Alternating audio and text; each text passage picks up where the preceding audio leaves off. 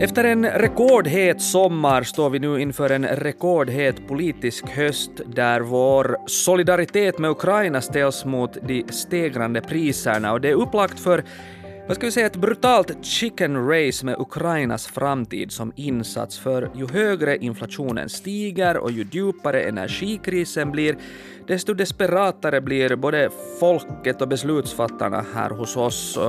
Solidariteten med Ukraina kostar, men vad är vi redo att betala för den? Kommer den växande prisstegringen och krigströttheten att spela Putin rakt i händerna?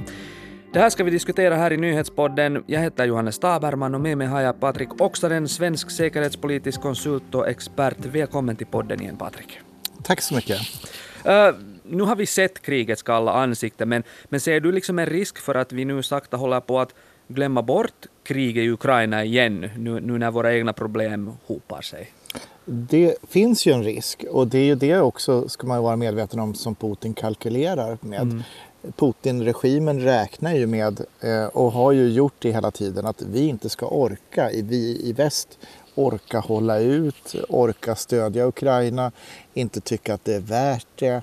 Eh, och hittills så har ju Putin räknat fel. Mm. Men eh, nu inför den här vintern så, så, är det klart att Ryssland, och det gjorde man ju redan innan man gjorde angreppet i, i februari, det förnyade angreppet, så, så började man ju dra åt eh, gasleveranser eh, och gaslager och tömde gaslager i Tyskland och så vidare.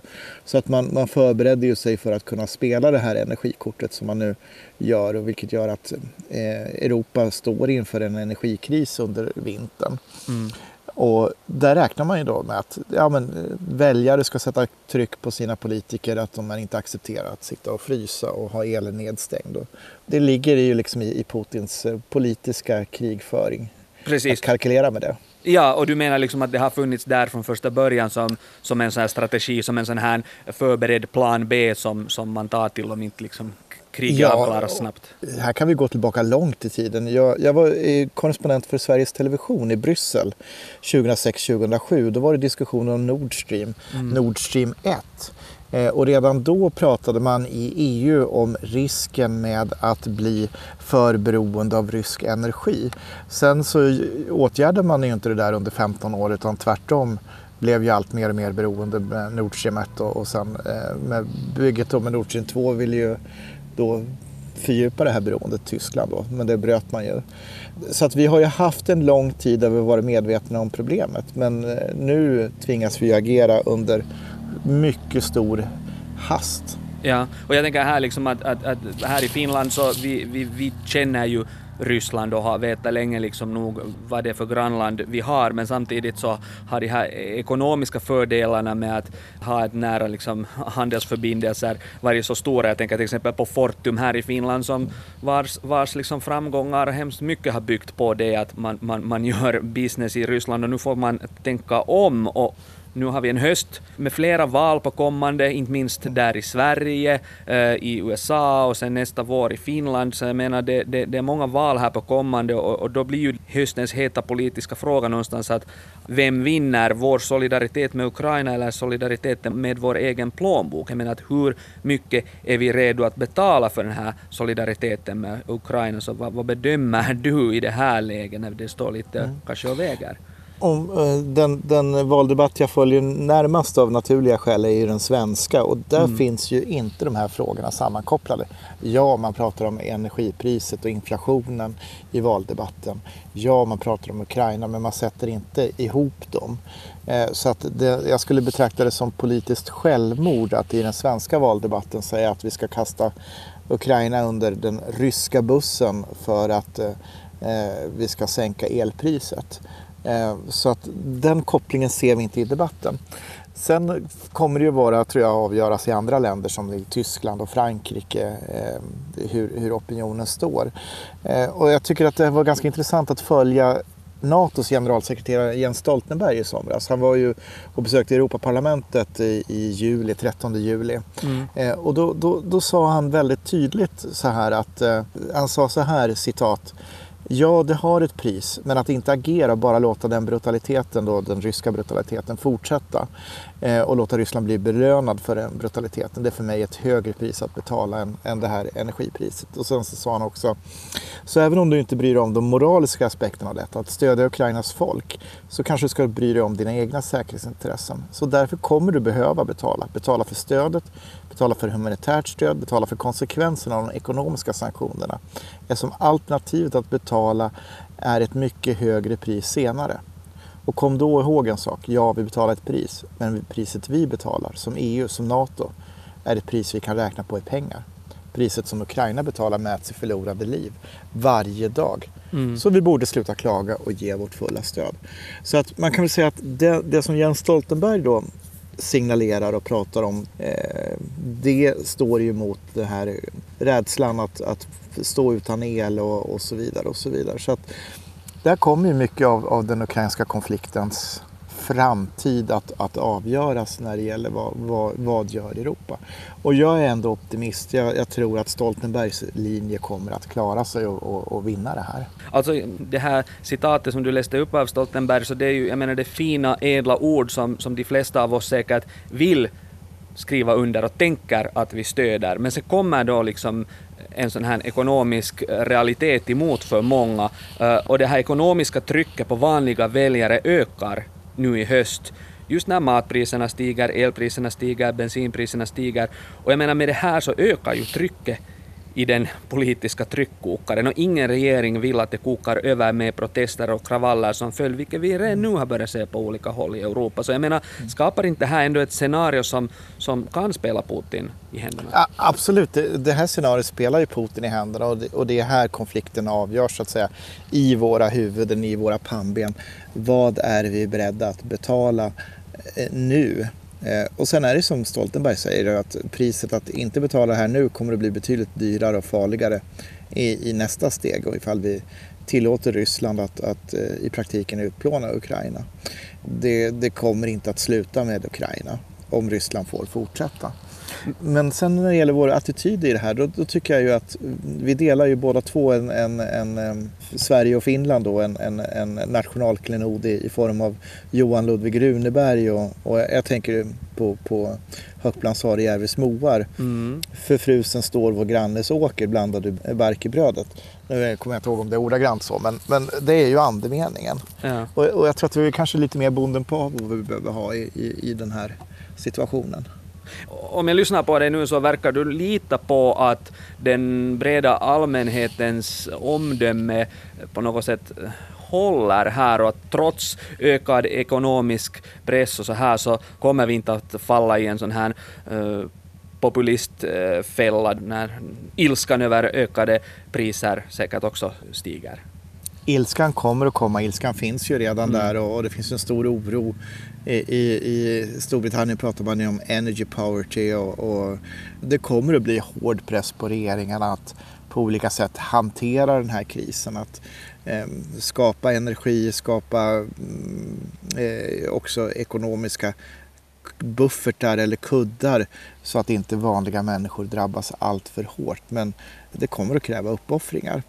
Eh, men men jag, jag, jag, tror ändå liksom att den här insikten bland stats och regeringschefer i Europa tillsammans ändå med en, en eh, numera hyfsat medveten europeisk allmänhet med naturligtvis olika geografiska undantag i det här. Vi ska inte glömma bort Orban i Ungern etc. etc. Eh, så, så tror jag ändå, jag, jag är optimist därför att det finns ingen annan väg framåt. Putins cyniska näsa har ju ändå säkert uh, fått upp vittringen på vår krigströtthet och, och, den här gryende ilskan över höjda priser och, och då gör han just nu liksom ett sista försök att kuva Ukraina genom att ta sikte på oss europeer och våra plånböcker när det då inte går så bra vid uh, fronten. Uh, är det här Just du var lite inne på det, är det här och inte på fronten nu, inne i våra huvuden och inte egentligen på fronten nu som kriget avgörs? Jag skulle säga att det är i, i, i den större strategiska kontexten så är det i våra huvuden det avgörs hur och vilket stöd som väst ger eh, Ukraina att klara det kriget på fronten. Eh, vår uppgift i väst är att ge dem de verktyg de behöver för att vinna kriget. Eh, vi behöver se till att de har de vapen de behöver, får den utbildning de behöver för att kunna hantera de vapen. Mm. Och då, då kommer Ukraina så småningom att återta kontrollen på sitt territorium. Men, men, du var här tidigare inne på det här och, och, och påpekade helt korrekt liksom att, att det här kriget hade pågått i åtta år, men att det var bortglömt också i väldigt, väldigt många år. Finns det inte en risk för att den här glömskan slår in igen om det här nu blir utdraget? Det här pågår ett halvår till och det blir lite ett sånt här stagnerat eh, läge där. Vi har glömt bort Absolut. det en gång, kan vi inte glömma bort det igen? Absolut, och det är ju det som är, är så att säga, om, om vi tittar på faroscenarier i det här så är det ju att båda sidor blir så utmattade men att Ukraina inte lyckas driva bort Ryssland mer än vad man har gjort eh, och att eh, Ryssland då i någon slags eh, uttröttnat vapenstillestånd kan befästa sina landvinningar eh, och i praktiken då tillåtas genom de facto situation på marken eh, då ansluta de här områdena till, till Ryska federationen eh, och att vi, vi accepterar det. Eh, och det, det är så att säga riskscenariot och det, det är det som är så att säga eh, ett av Putins förhoppningar naturligtvis att, att det ska kunna ske. Eh, och det är därför det är så viktigt att det finns en, en, en kraft i den ukrainska armén att, att driva tillbaka Ryssland. Mm. Eh, och det ska bli väldigt spännande att se, eh, att följa utvecklingen de närmsta månaderna kring Cherson i södra Ukraina där, där mycket tyder på att Ukraina förbereder en, en större offensiv. Man har ju då slagit till mot försörjningsleder, eh, broar etc. etc. Och en, en ukrainsk framgång på marken i augusti-september ger ju också så att säga, en, en, ökad energi till Europa att fortsätta att stödja Ukraina och härda ut vintern. Skulle däremot Ukraina misslyckas i, i den här offensiven, ja då, då, då riskerar vi det här trötthetsscenariot.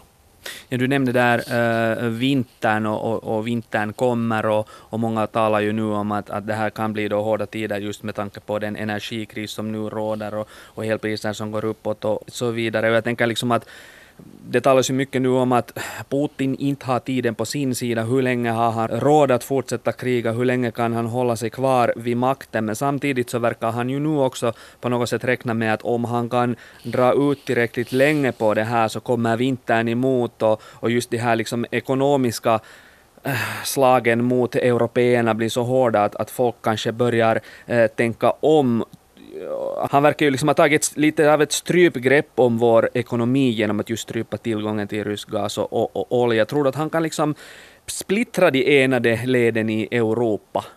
Ja, det är ju det han hoppas på. Det är det han jobbar på. Det är det som hela hans politiska krigföring i många år har gått ut på. Det är att splittra enigheten inom NATO, splittra enigheten inom EU.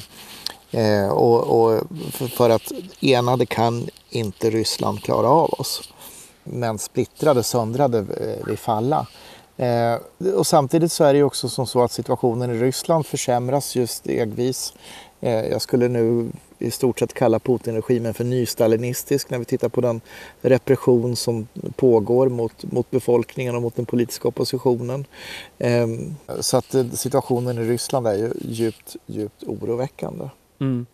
Avslutningsvis, vad kan vi liksom vänta oss då av, av kriget i Ukraina och av Putins Ryssland i höst nu med, med stigande priser och ökande krigströtthet här i, i bakgrund? Vad är liksom det mest avgörande under följande halvår av kriget, om vi säger så? Ja, jag skulle ju då lägga ihop då våra pannben i väst eh, tillsammans med ukrainska framgångar på marken. Det är det, det ni ska hålla ögonen på eh, när ni, ni tittar på den här konflikten. Eh, och eh, jag hoppas på, på det bästa. Patrik Oksanen, tack eh, för den här säkerhetspolitiska lägeskollen inför höstens stora utmaningar både i Ukraina och här hos oss. Tack så mycket. Du har lyssnat på nyhetspodden från Svenska Yle med mig Johannes Taberman. Ami Lassila är producent, Staffan Sundqvist sköter tekniken. Fortsätt lyssna på oss.